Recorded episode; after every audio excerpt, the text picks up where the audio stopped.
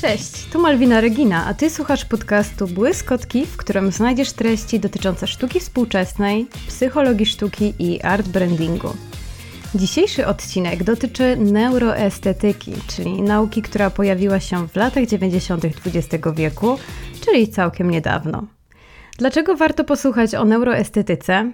Mm, to dziedzina, która pozwala nam przede wszystkim lepiej zrozumieć sztukę i nas jako ludzi. Mózg i jego funkcjonowanie na pewno stał się w ostatnich latach bardzo ważnym tematem i cieszę się, że w końcu wyszedł z ciasnych ram biologii uczonej w szkole i mówię to ja, e, stuprocentowa humanistka. Wiedza o tym, jak funkcjonujemy i dlaczego robimy to, co robimy, co ma na nas dobry, a co negatywny wpływ, to klucz do dobrego samopoczucia na co dzień i świadomego przeżywania różnych doświadczeń, e, w tym również oczywiście obcowania ze sztuką. Jeśli spodoba Ci się ten odcinek, będę bardzo wdzięczna za zostawienie oceny podcastu na Spotify mm, oraz za wiadomość na Instagramie, bo to zawsze jest super miło i zawsze dobrze wiedzieć, jaki jest odbiór po drugiej stronie. Tak więc neuroestetyka. Zapraszam serdecznie. I myślę, że warto zacząć ten odcinek od takiego statementu, że nie będzie to najłatwiejszy do przyswojenia odcinek tego podcastu, ale naprawdę zrobię wszystko, co w mojej mocy, aby jak najbardziej uprościć e, te zagadnienia związane z neuroestetyką. Zacznijmy więc od początku, czyli od wytłumaczenia, czym ta dziedzina się zajmuje i oczywiście skąd się wzięła i jaki jest jej cel.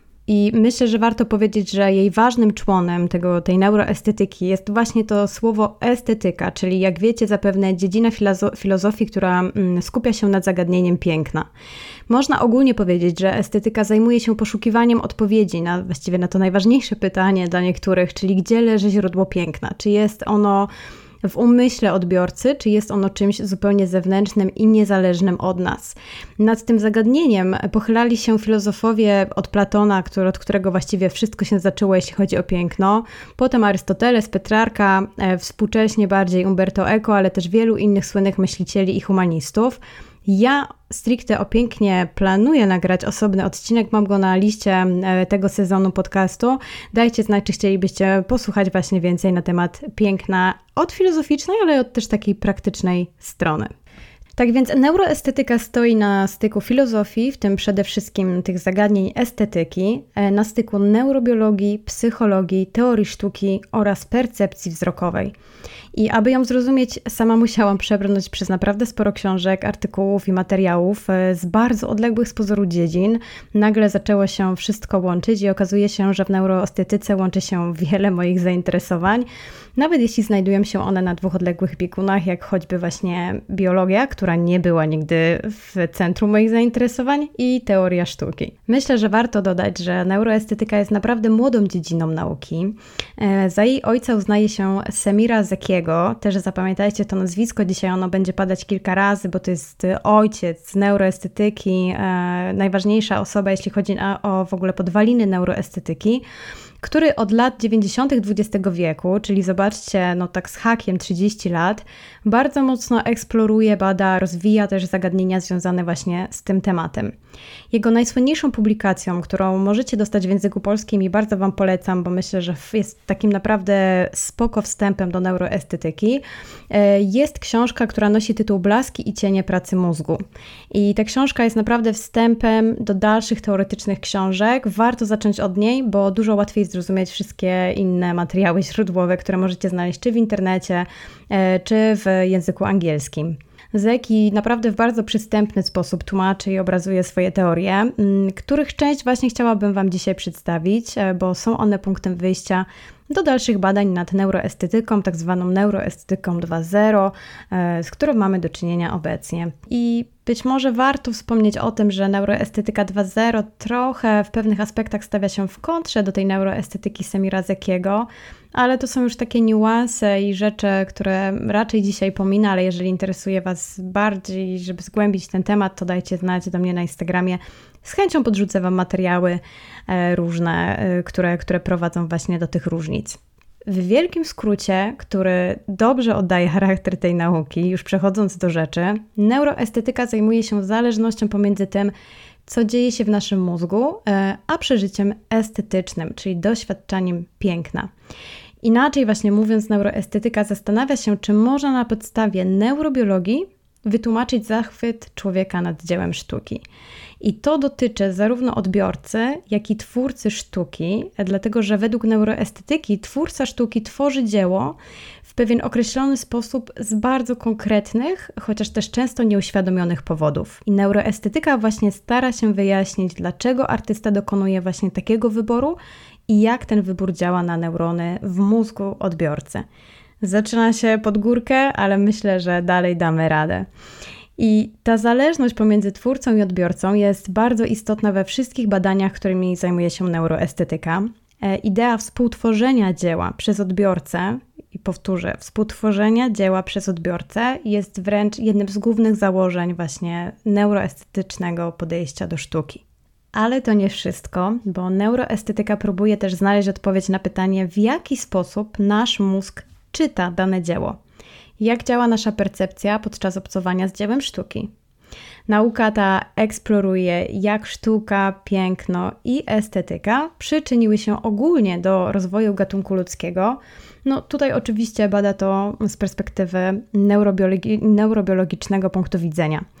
E, I zaznaczę, że sama neuroestetyka wychodzi również poza sferę malarstwa czy rzeźby, czyli tutaj bardzo szeroko podchodzimy do tej sztuki, ale akurat ja w dzisiejszym odcinku będę się skupiać przede wszystkim właśnie na malarstwie czy na rzeźbie, na tych dziedzinach e, sztuki, które też mi są najbliższe.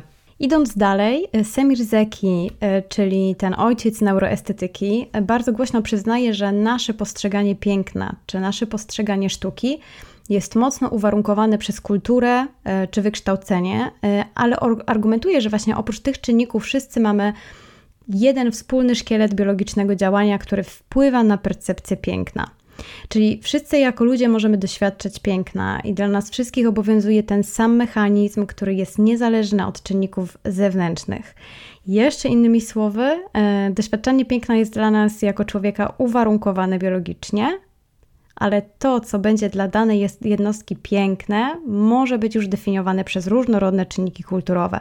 Wszyscy doświadczamy piękna, ale inaczej różne rzeczy na nas działają, bo właśnie wychowanie czy kultura ma tutaj na to ogromny wpływ. Mam nadzieję, że to zdanie jest dla Was zrozumiałe, ponieważ stanowi właściwie podstawy założeń neuroestetyki. Więc jeżeli potrzeba sobie przewinąć do tyłu, to to jest e, właśnie ten moment. Ale jeśli nie potrzebujecie przewijać, to ja posłużę się tutaj przykładem, który myślę, że trochę Wam rozjaśni to zdanie. E, czyli jak zmienia się nasza percepcja rzeczy pięknych, e, czy w ogóle rzeczy, które są warte naszej uwagi, kiedy poznamy ich kontekst. I tutaj przykładem jest Mona Lisa i przypuszczam, że przynajmniej połowa z nas nie zwróciłaby większej uwagi na Mona Lizę, gdybyśmy od dziecka nie byli bombardowani jej reprodukcjami czy, czy informacjami o tym, jak jest bezcenna, o tajemniczym uśmiechu i w ogóle o geniuszu samego Leonardo. Żeby sprowadzić to wszystko już do takich konkretów, to być może zadajecie sobie pytanie, ok, ale w jaki sposób zostały przeprowadzone te badania neuroestetyczne, które nadzorował e, Zeki? No więc e, pokazano grupie osób obrazy abstrakcyjne i ta grupa osób miała oceniać je pod względem piękna w skali od 1 do 10, e, a także puszczali tej grupie muzykę i również mieli oceniać te utwory muzyczne w skali od 1 do 10 pod względem piękna. I to wszystko było monitorowane w funkcjonalnym rezonansie magnetycznym, e, który badał różne obszary mózgu na żywo podczas oglądania właśnie tych obrazów czy podczas słuchania muzyki. E, I w ten sposób zespół mógł określić, które obszary mózgu są aktywne podczas wizualnego czy e, słuchowego tego muzycznego doświadczenia piękna. W ogóle neuroestetyka w muzyce to też jest osobny temat. Tak jak powiedziałam, ja się nie będę zajmować dzisiaj tym aspektem, tylko skupię się stricte na malarstwie. E, ale, ale znowu, jeżeli jesteście zainteresowani tym tematem, to też zapraszam do mnie na priv. Nie jestem pewna, czy to zabrzmiało tak, jak miało zabrzmieć, ale wracając na tych badaniach, na skanach, y, które wynik wyniknęły z tych badań, widać było wyróżnione, co ważne, różne obszary mózgu, które uaktywniały się podczas oglądania obrazów i podczas słuchania muzyki, czyli różne obszary mózgu w zależności od tego, jaki był bodziec, ale widać też wspólny obszar dla obu tych bodźców. I co ciekawe, jest to właśnie obszar powiązany z emocjami. E, neurobiologicznie jest to boczna część kory oczowo-dołowej. I domyślam się, że część z Was już teraz czuje e, to, co przeciwnicy neuroestetyki, czyli jak to można sprowadzić piękno sztuki, nie wiem, piety Michała Anioła wyłącznie do stanów neuronalnych, do jakiejś kory oczowodołowej, nie wiadomo do czego, do czystej biologii i, i teraz odzierać sztukę z całego patetyzmu i z tego, co w niej najbardziej pociągające. Warto jednak zaznaczyć, że sam Semir Zeki, czyli ten twórca neuroestetyki, jest naprawdę świetnym znawcą sztuki. E, jest filozofem, nieobce są mu wszelkie zachwyty nad największymi dziełami. E, I być może właśnie ta wielka pasja zaprowadziła go do poszukiwania odpowiedzi na to, co dzieje się w jego ciele i mózgu i dlaczego pewne konkretne dzieła działają na niego w pewien bardzo konkretny, określony sposób. I zacytuję tutaj jego dzieła, które padły w odpowiedzi na pytanie, dlaczego fascynuje go piękno. I tutaj otwieram cytat. Jako naukowca interesuje mnie, w jaki sposób ludzkie systemy mózgowe są zaangażowane w postrzeganie piękna. Jest to takie samo pytanie, jak pytanie o to, w jaki sposób systemy mózgowe odpowiadają za percepcję koloru czy twarzy. I nie chciałabym oczywiście, abyśmy po tym odcinku wyszli z poczuciem, a właściwie wy wyszli z poczuciem, że sztuka to tylko neurobiologia i czysta nauka. E, zresztą, co ważne, podkreślam, nie jest to założenie żadnego z naukowców, którzy zajmują się neuroestetyką. Ale myślę sobie, że tak jak miłość można naukowo sprowadzić do reakcji chemicznej, co jest oczywiście brutalne, ale prawdziwe, tak właśnie neuroestetyka z każdą kolejną dekadą uczy nas o tym, jak działa nasz mózg w kontakcie z tym, co piękne i z tym, co brzydkie. I jak wiecie, nasz mózg to niesamowity mechanizm, który skrywa wiele tajemnic, i właśnie dlatego ten temat wydaje mi się tak bardzo fascynujący. Mam nadzieję, że uda mi się zarazić również i Was tą fascynacją, która wynika po prostu z wielkiej pasji do sztuki samej w sobie. I lecimy dalej. Słuchajcie, mam nadzieję, że nie jest za trudno i że dobrze się Wam tego słucha, ponieważ chciałabym teraz przedstawić kilka najważniejszych odkryć Semira Zakiego, o którym zresztą mówi się, że już dawno powinien dostać Nobla. Za co? Mm, za przełomowe badania o podłożu neuroestetycznym, które naprawdę dużo powiedziały nam też o tym, jak w ogóle działa nasza percepcja. Wcześniej ten temat e, świetnie był eksplorowany przez e, historyków sztuki e, różnych, przez osoby, które zajmują się właśnie badaniem percepcji. Ja w, tutaj w biblioteczce do tego odcinka na poście na Instagramie znajdziecie całą literaturę, znaczy może nie całą, ale najciekawszą literaturę właśnie, która, która gdzieś prowadzi do tej neuroestetyki. Polecam Wam też teraz książkę Sztuka i percepcja wzrokowa Rudolfa Arnheima. To jest w ogóle wow, wow, e, ekstra pozycja i dla wielu to jest w ogóle obowiązkowa pozycja. E, jeżeli interesuje Was ten dzisiejszy temat, to też warto na pewno sięgnąć po tą książkę, która e, może przerażyć swoją grubością, ale naprawdę dobrze się ją czyta.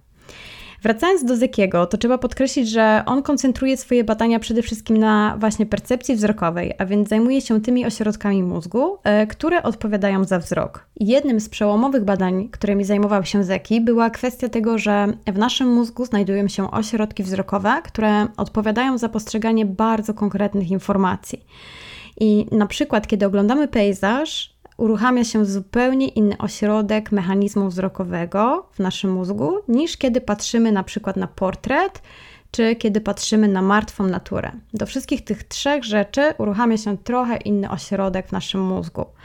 Tak więc każdy rodzaj sztuki, tutaj również, aktywizuje w naszym mózgu odmienne ośrodki, co teoretycznie wpływa na odmienne reakcje podczas oglądania różnego rodzaju obrazów ponieważ różne ośrodki kory wzrokowej uruchamiają się również w celu zidentyfikowania koloru, jeszcze inne w celu dojrzenia kształtu, a jeszcze inne w celu uchwycenia ruchu, to wyobraźcie sobie, co w ogóle się dzieje w naszym mózgu, kiedy my to wszystko musimy sprowadzić do jakiegoś jednego bodźca.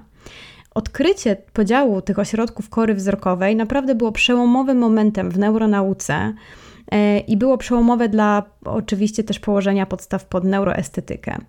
E, przed tymi badaniami, które nie tylko zaczął, ale raczej spopularyzował Zeki pociągnął je dalej, e, uważano, że w mózgu znajduje się jeden ośrodek centralny, który w tym samym momencie przetwarza wszystkie dane z otoczenia, jak właśnie ruch, kolor, kształt. Natomiast dzisiaj wiemy, że za te obszary odpowiedzialne są różne części kory wzrokowej i mogą one funkcjonować niezależnie od siebie.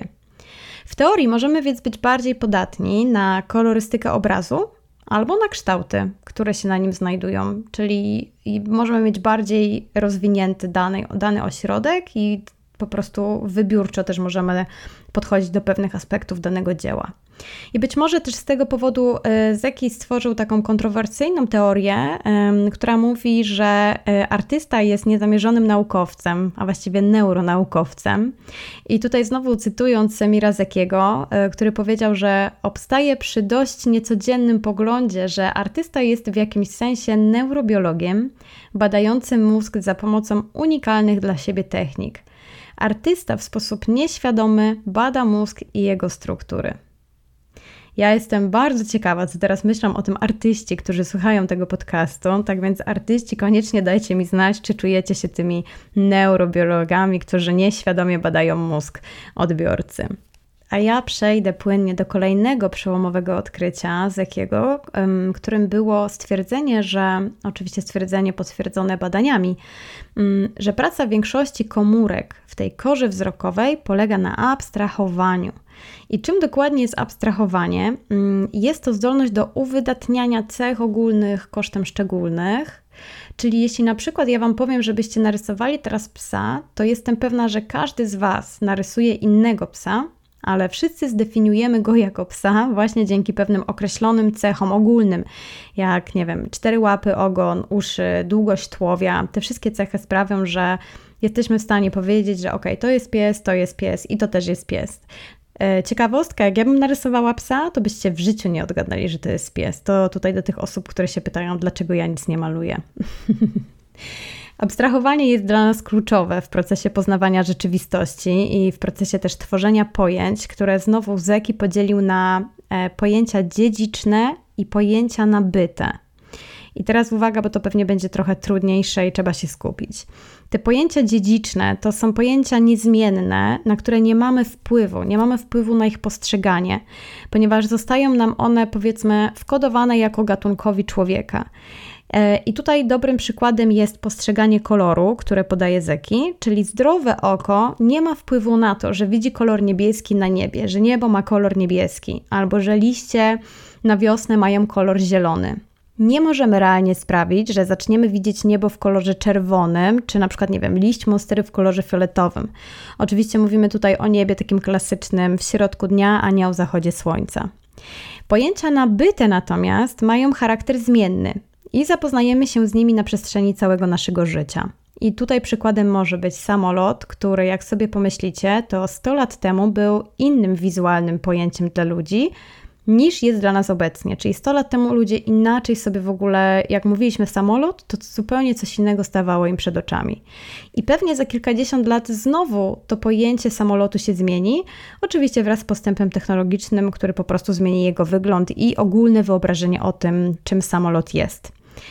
Innym przykładem takiego pojęcia nabytego e, jest, e, co ciekawe, pojęcie piękna, które również zmienia się na przestrzeni naszego życia czy wraz, nie wiem, z rozwojem naszej estetyki. To, co było dla nas piękne 10 lat temu, dzisiaj już może się nam wydawać kiczowate. I tutaj mrugam oczkiem do wszystkich osób, które cokolwiek w życiu coś stworzyły i 10 lat temu im się wydawało, że to jest szczyt ich możliwości, a dzisiaj nie mogą na to patrzeć. I dlaczego ja tak mówię o tych pojęciach? E, dlatego, że pojęcia pomagają nam w interpretacji obrazu. To, co widzimy na danym obrazie, wiąże się z pojęciami e, dziedzicznymi, jak na przykład kolor użyty na obrazie, ale też z pojęciami nabytymi, jak na przykład ten pies, czyli że my możemy rozszyfrować to, co znajduje się na obrazie, właśnie za pomocą pojęć dziedzicznych, ale też tych pojęć nabytych. Pojęcia nabyte mogą różnić się, słuchajcie, to jest ważne, w zależności od y, czynników kulturowych, o których wspomniałam wcześniej. E, weźmy sobie na przykład pojęcie domu, y, albo pojęcie religii, albo pojęcie wolności. Myślę, że intuicyjnie już czujecie, że postrzeganie dzieła sztuki jest w pewien sposób zależne od różnych kontekstów, że dom dla jednych osób e, w innym kręgu kulturowym będzie znaczył coś innego niż dla nas. Tak samo religia, wolność czy jakiekolwiek inne pojęcie. I tak samo pojęcia dziedziczne, jak ten wspomniany kolor, y, mogą zostać też na obrazie przekłamane, co jest oczywiście częstą techniką. I tutaj najlepszym przykładem jest też sztuka impresjonistów, y, gdzie niebo może mieć na przykład kolor żółty. Bardzo, jak sobie zaczniecie analizować obrazy Van Gogha, to on uwielbiał przekłamywać wszystko i, i, i te pojęcia dziedziczne przełamywać. Pojęcia właśnie, które bada Zeki są więc bardzo pomocne w interpretacji dzieła sztuki. one są tak jakby podstawą, żeby w ogóle rozszyfrować dany obraz sztuki, ale pamiętajcie, że mogą zostać też e, zniekształcone przez twórcę dzieła. Natomiast nie zmienia to ostatecznie faktu, że to właśnie dzięki tym pojęciom i dziedzicznym, i nabytym wiemy na co patrzymy i potrafimy to przypisać do konkretnych rzeczy czy zjawisk. I cała ta teoria pojęć jest bardzo też ważnym podłożem, jeśli chodzi o neuroestetykę. E, bardzo ważny temat. Ale przejdziemy sobie do kolejnego. I kolejnym ważnym spostrzeżeniem w badaniach Zekiego e, była praca nad tak zwanymi figurami bistabilnymi. E, I bardzo krótko mówiąc, to są obrazy, które możemy interpretować na dwa sposoby. I tutaj takim najsłynniejszym przykładem jest e, przykład z XX wieku, i to jest tak zwana figura żony i teściowej, czyli rysunek, na którym jedni z Was zobaczą w pierwszych sekundach młodą kobietę, a inni w tym samym czasie zobaczą w w pierwszych sekundach starszą, e, starszą kobietę. I jeśli nie macie pojęcia, o czym mówię i nie kojarzycie tej bistabilnej figury, to polecam sobie teraz wygooglować właśnie figura żony i teściowej i zobaczyć o co chodzi. Jestem ciekawa, co pierwsze zobaczycie. Natomiast jakie pojęcie, jak, jaki tutaj związek te figury bistabilne mają z tym, o czym ja rozmawiam do Was dzisiaj, czyli jaki mają związek ze sztuką? Ano, obrazy bardzo często cechują się właśnie taką samą wielozna wieloznacznością, nad którą um, Semir Zeki sporo się pochylał. I weźmy sobie tą Monalizę, e, która jest sławna właściwie ze względu na swoją wieloznaczność, e, a konkretnie na wieloznaczność jej uśmiechu. Tak samo e, polski tajemniczy, znaczy polski, e, w Polsce, w Krakowie, tajemniczy wyraz twarzy damy z łasiczką, nad którym wszyscy się zastanawiają, czy właśnie wszedł do pokoju jej kochanek, czy ktoś tam coś jej powiedział. E, innym przykładem jest dziewczyna z perłą, w którym, u której jedni widzą coś wyzywającego wręcz, a inni w tym samym czasie widzą taką totalną niewinność, wręcz naiwność. I każdy zobaczy na tych obrazach różne emocje, y, a co ciekawe, im dłużej będziemy się im przyglądać, tym bardziej utwierdzimy się właśnie w tej wieloznaczności dzieł. I to jest clue tego rozważania, e, czyli stwierdzenie, że nasz mózg bardzo, bardzo to lubi, bardzo lubi te wieloznaczności. Nasz mózg kocha rozwiązywać zagadki, kocha efekt kameleona, czyli odkrywanie czegoś, co na pierwszy e, rzut oka nie jest dobrze widoczne, ale zaraz się tutaj wysnuwa i jednak to widać. Mózg kocha odkrywać abstrakcje, lubi, kiedy w obrazie nie wszystko jest podane na tacy i dlatego też kochamy te obrazy, które są po prostu wieloznaczne, bistabilne. Tak samo podczas oglądania abstrakcji Picassa czy każdego innego abstrakcjonisty, który przeskalowuje czy deformuje dobrze znane nam e, pojęcia. Wtedy, podczas oglądania tych obrazów, w mózgu uruchamia się ten słynny system układ nagrody, a my po prostu odczuwamy czystą przyjemność. I to właśnie dlatego tak fascynują nas obrazy abstrakcyjne, dlatego tak bardzo lubimy odkrywać tajemnice tych dawnych obrazów, a co tu było na tym obrazie, jakie to miało znaczenia, jaka to jest alegoria. Kochamy w nich szukać tej wieloznaczności. I co ciekawe, e, przechodząc do kolejnego e, tematu, którym zajmował się Zeki, bardzo podobne pozytywne odczucia towarzyszą nam przy dziełach niedokończonych. E, według Zekiego niedokończone dzieła działają na nas w szczególny sposób, dlatego że pozostawiają nam szerokie pole do interpretacji i też do tworzenia różnych możliwości w naszym umyśle, czyli znowu nasz umysł musi tutaj pracować. E, I być może zachodzi tutaj bardziej skomplikowany proces, w którym odbiorca staje się jednocześnie twórcą i właśnie to działa na niego w tak pozytywny sposób. Kiedy widzimy niedokończone dzieło, my musimy zacząć sobie wyobrażać, co tam powinno być, żeby to dzieło być skończone, i w ten sposób, jakoś tak metaforycznie, stajemy się współtwórcą tego obrazu. I znowu cytując Zekiego, który napisał: Metoda non finito, czyli dzieła niedokończonego, pobudza wyobraźnię odbiorcy, pozwala mu dokańczać dzieło w swojej głowie zgodnie z własnym pojęciem. Wyzwala tym samym odbiorcę z ograniczeń narzucanych przez pojęcie, które powstało w głowie artysty. Czyli artysta miał jakieś pojęcie, nie wiem, portretu psa, nie dokończył tego dzieła i odbiorca może sobie dokończyć to dzieło na bazie swojego własnego pojęcia psa. Jak widzicie, wszystko sprowadza się do tych pojęć, o których mówiłam przed chwilą, i według Zekiego to one właśnie są kluczem do zrozumienia percepcji sztuki i tego, jak ona wpływa na nasz umysł. Dlatego tak dużo o nich dzisiaj do Was mówię.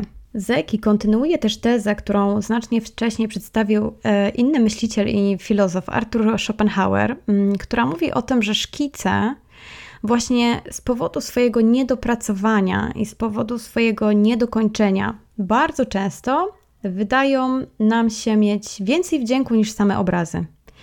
I tutaj przykładem, który mi od razu przyszedł do głowy, kiedy to przeczytałam, był obraz Leonarda da Vinci. Strasznie się dzisiaj go uczepiłam. Znam innych artystów, słuchajcie, nie tylko Leonardo, ale to jest dobry przykład. E, to przykład obrazu Pokłon Trzech Króli, który możecie zobaczyć we Florencji w Galerii Uffizi. I chyba nie zaskoczę Was, jeśli powiem Wam teraz, że jest to jedno z naprawdę wielu niedokończonych dzieł Leonarda, który w ogóle słynął ze swojego słomianego zapału i z porzucania na wpół skończonych obrazów. Tak po prostu miał. Więc jeśli myślicie, że tylko Wy tak macie, a wielcy geniusze wszystko dokańczają i um, cały czas pracują, nie prokrastynują, e, zapraszam do przeczytania biografii Leonarda. Jeśli mieliście okazję zobaczyć ten obraz Pokłon Trzech Króli na żywo, na pewno utkwił Wam w pamięci jako ten, który daje jakąś taką dziką właśnie przyjemność, kiedy na niego patrzymy. Ja odczuwam tą przyjemność. E, I swoją drogą też technika sfumato, którą oczywiście e, odkrył i spopularyzował Da Vinci, czyli tego rozmycia, zacierania konturu, również wpisuje się w te same doznania dzieła niedokończonego, tego efektu non finito, dlatego że ona też właśnie zamazuje kontur i też wtedy nie wiemy, gdzie dokładnie się co kończy, a co się zaczyna. Ciekawostką jest też, że Zeki postawił tezę, że najwięksi artyści, właśnie tacy jak Leonardo czy Michał Anioł, nie dokończali swoich dzieł um, ze względu na niemożność uchwycenia idealnego pojęcia danego tematu, który chcieli namalować albo wyrzeźbić. I to akurat bardzo pasuje do Michała Aniono, e, Anioła, który całe życie borykał się z samym sobą i z szukaniem perfekcji w kamieniu. Dwie trzecie swoich dzieł pozostawił niedokończonych właśnie ze względu na poczucie niemocy, mm, przeniesienia tego pojęcia, które miał w umyśle, na coś tak materialnego jak rzeźba. I z tego samego powodu wiele jego dzieł nie przedstawia wiernego odzwierciedlenia rzeczywistości, ale raczej przedstawia pewną ideę czy różne idee, które tkwiły w jego głowie. I tutaj świetnym przykładem e, są dwie najsłynniejsze rzeźby Michała Anioła, czyli pierwsza to Dawid o idealnych proporcjach, czyli człowiek, który nie mógł istnieć naprawdę, oraz Pieta, w której Maria ma twarz bardzo młodej dziewczyny. E, ona, tu, tu było bardzo dużo kontrowersji, oczywiście, kiedy odbiorcy zobaczyli tą Marię, a Michał Anioł bronił jej z całych sił. I właśnie w ten sposób ta twarz przedstawiała się e, w głowie Michała Anioła, tak ją widział i właśnie w taki sposób chciał ją przedstawić, bo tak, takie pojęcie Marii, e, Matki Jezusa było w jego głowie. E, nawet jeśli nikt nie rozumiał tego zamiaru, to, to po prostu zrobił to, co miał w głowie. I tutaj dochodzimy, słuchajcie, do sedna sztuki z punktu widzenia artysty, e, czyli do tego, po co artysta tworzy obraz, rzeźbę, muzykę czy dajmy na to wiersz. Za pomocą tych narzędzi chcę wyrazić syntetyczne pojęcie, czyli to nabyte pojęcie, które pojawiło się w jego umyśle na bazie wszystkich obrazów, które jego mózg wrzucił do, nie wiem, do katalogu Miłość, Matka, Śmierć, w zależności od tego oczywiście, co ma się stać tematem jego obrazu. Czyli jeśli chce przedstawić piękną kobietę, będzie próbował namalować idealne pojęcie, które ma w głowie, a którego najprawdopodobniej nigdy nie uda mu się w pełni zobrazować. I jestem pewna, że wielu artystów, którzy tego słuchają, mm, dokładnie wie, o, o czym teraz mówię. Mówię też o ekscytacji z powodu podjęcia próby uchwycenia tego idealnego pojęcia, czyli tego momentu, Boże, namaluję to, to jest świetny pomysł, genialny, aż po frustrację po ukończonym dziele, które nie spełnia w ogóle tego, co powstało w umyśle artysty. I chcę powiedzieć, że to jest coś normalnego i że właśnie w ten sposób powstał stereotyp też prawdziwego artysty w cudzysłowie, który jest pewnego rodzaju cierpiętnikiem e, czy niewolnikiem swojej twórczości. I kto czytał Udrękę i ekstazę, nomen omen tytuł, który dokładnie obrazuje ten przykry paradoks artysty, e, ten wie, że Michał Anioł czy nie wiem, Van Gogh e, był dokładnie ucieleśnieniem tego, o czym teraz Wam tu opowiadam. I myślę, że na tym zatrzymam się, jeśli chodzi o postać Semira Zekiego, o którym dzisiaj bardzo długo, dużo mówiłam, ale mówiłam nie bez powodów, ponieważ jest e, ojcem neuroestetyki.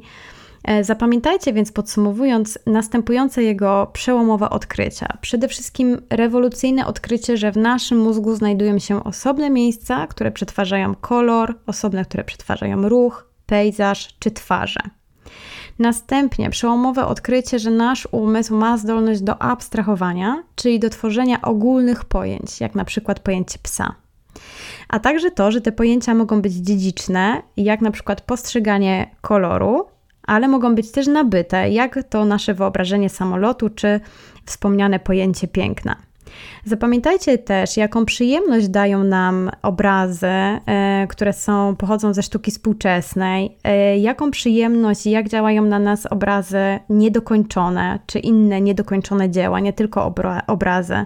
Właśnie bez względu na to, czy mówimy o, czy mówimy o pokłonie Trzech Króli, czy mówimy o Wenus z Milo, która, słuchajcie, jak teraz sobie zaczniemy ją wyobrażać z rękami, to pewnie wyglądałaby jakoś mniej ciekawie. I to jeszcze nie koniec odcinka, bo został nam jeszcze do omówienia bardzo ważny temat e, w kontekście neuroestetyki, bardziej ten, tej właśnie neuroestetyki 2.0, o której wspomniałam, czyli tej nowszej neuroestetyki. I jest to pojęcie, które nazywa się superbodźcem. E, I jest to temat, który stał się głównym przedmiotem badań i dociekań e, też polskich naukowców zainteresowanych neuroestetyką, więc myślę, że tym bardziej jest ciekawe. Natomiast sama teoria superbodźca została przedstawiona przez e, neuropsychologa e, i mam nadzieję, że dobrze nazwisko wymawiam. Słyszałam nieraz e, Rama Handran. Okej, okay. Rama Handrana, neuropsychologa Rama Handrana. I według niego dzieło sztuki jest specjalnym bodźcem dla aparatu, który odpowiada za percepcję i emocje odbiorcy. Znowu jesteśmy przy percepcji wzrokowej, ale też przy emocjach odbiorcy. I czyli dzieło sztuki trochę traktujemy inaczej niż wszystkie inne bodźce. Dzieje się tak, ponieważ dzieło sztuki wywołuje znacznie silniejszą reakcję u odbiorcy niż, dajmy na to, przedmioty codziennego użytku. Dodatkowo przy tworzeniu dzieła artysta posługuje się artystycznymi przerysowaniami czy też wyolbrzymieniami. I to z kolei wiąże się z terminem, który w psychologii zwierzęcej opisywany jest jako zasada przesunięcia szczytowego. Tutaj badania dotyczące te, tej zasady pokazują, że zwierzęta znacznie mocniej reagują na kształty o takich nienaturalnie e, przerysowanych, e, przerysowanej formie, na przedmioty, które mają przerysowane kształty same w sobie. Czyli jeżeli kiedykolwiek próbowaliście na przykład położyć ogórka szklarniowego przed waszym kotem, albo jeśli kiedykolwiek zabrnęliście w mandry YouTube'a, gdzie właśnie są takie filmiki, to właśnie dokładnie to się dzieje, że zwierzęta inaczej reagują na takie przerysowane, wyolbrzymione jak dla nich kształty. Sprawdźcie koniecznie te filmiki, bo super pokazują właśnie, jak działa ta teoria. I właśnie w bardzo podobny sposób my, jako odbiorcy sztuki, reagujemy na wszelkie przeskalowania, na jakieś zniekształcenia czy wy, wyolbrzymienia, które znajdują się na obrazie czy w rzeźbie. Dlatego też tak masowo właśnie kochamy impresjonizm, który no, on do bólu zniekształca kontury i rzeczywistość. Tak? Tam, tam nie ma żadnych konturów. Ta rzeczywistość, tak jak mówiłam, jest zniekształcona nie tylko w kolorze, ale właśnie też w formie. Drzewo nie wygląda jak drzewo, tylko jest sumą jakichś e, pojedynczych e, ciapek wręcz. Dlatego też abstrakcja e, na początku z kubizmem stała się takim fenomenem, właśnie dlatego, bo była przeskalowana, wyolbrzymiona, zniekształcona. I dlatego też uwielbiamy oglądać mocno wycieniowane, również w tym kontekście przeskalowane obrazy Caravaggio, tak? jeśli chodzi o kontrast światła i cienia. I to samo dzieje się na przykład, kiedy oglądamy mm, na przykład nienaturalne, e, wydłużone postacie El Greca. To jest dokładnie wszystko to, o czym mówiłam. To jest ten super bodziec, który działa na nas w unikalny sposób. E, I do tego przy oglądaniu tych super bodźców w naszym mózgu znowu uruchamia się system nagrody, który po prostu wysyła nam informację: hej, lubię to, podoba mi się to. Dlaczego się tak dzieje? Być może dlatego, że organizm spodziewa się większej nagrody za to, że rozpozna i zareaguje na e, nienaturalnie wyglądający przedmiot. To jest jedna z teorii, która, która ma właśnie być podstawą działania tego superbodźca, że im bardziej coś dziwnego, tym bardziej nasz mózg musi się wysilić i tym bardziej spodziewa się większej nagrody. Ciekawa teoria. E, I ta teoria superbodźca jest e, jak na razie pewnym założeniem. E, nauka nadal bada różne możliwości działania tej teorii w praktyce, ale myślę, że zdecydowanie ma odzwierciedlenie w naszych rzeczywistych zachowaniach podczas, podczas obcowania ze sztuką i dlatego chciałam Wam o niej wspomnieć. I tutaj już mogę postawić kropkę. To wszystko, co dla Was dzisiaj przygotowałam. E, nie chciałam przedobrzyć. Mam nadzieję, że było to zrozumiałe. Myślę, że jest to odcinek, który warto sobie wysłuchać dwa razy, mm, do którego warto wracać, przewijać śmiało. E, jeżeli czegoś nie rozumiecie, to też możecie do mnie napisać. Postaram się albo wytłumaczyć innymi słowami, albo podrzucić jakieś materiały źródłowe. E, neuroestetyka na pewno nie jest e, najprostszą dziedziną, ale kiedy się w nią zagłębimy, to wszystko zaczyna się łączyć, e, kropki zaczynają tworzyć całość i myślę, że wysnuwa się z tego całkiem, całkiem naprawdę fascynująca i ciekawa teoria na temat tego, jak odbieramy sztukę, z perspektywy naszego mózgu, a myślę, że to jest bardzo ludzkie i potrzebne i ciekawe, żeby zrozumieć po prostu, dlaczego w ten sposób e, działa na nas jakieś dzieło, a inne dzieło w ogóle na nas e, nie wpływa i nie robi na nas takiego wrażenia. Pamiętajcie o tych aspektach kulturowych, indywidualnych czynnikach, o psychologii sztuki. Ja też e, bardzo mocno zagłębiam się w, tą, w tę psychologię sztuki. Na pewno też będę kontynu kontynuować te wątki, które być może będą uzupełnieniem do neuroestetyki, bo neuroestetyka nie pokrywa wszystkiego. Ona zajmuje się tylko i wyłącznie neurobiologicznymi uwarunkowaniami, które pozwalają nam na percepcję sztuki. A wszystkie e, kwestie psychologiczne to już do psychologii sztuki. E, jeżeli chcecie osobny odcinek na ten temat, to oczywiście dajcie znać. Mam nadzieję, że się super słuchało. Jeżeli tak, przypominam o ocenie podcastu, to jest zawsze super miłe i wspierające. No i jesteśmy w kontakcie na Instagramie. Słuchajcie, do usłyszenia. Następny odcinek to Mark Rodko. Woo! Do usłyszenia, cześć!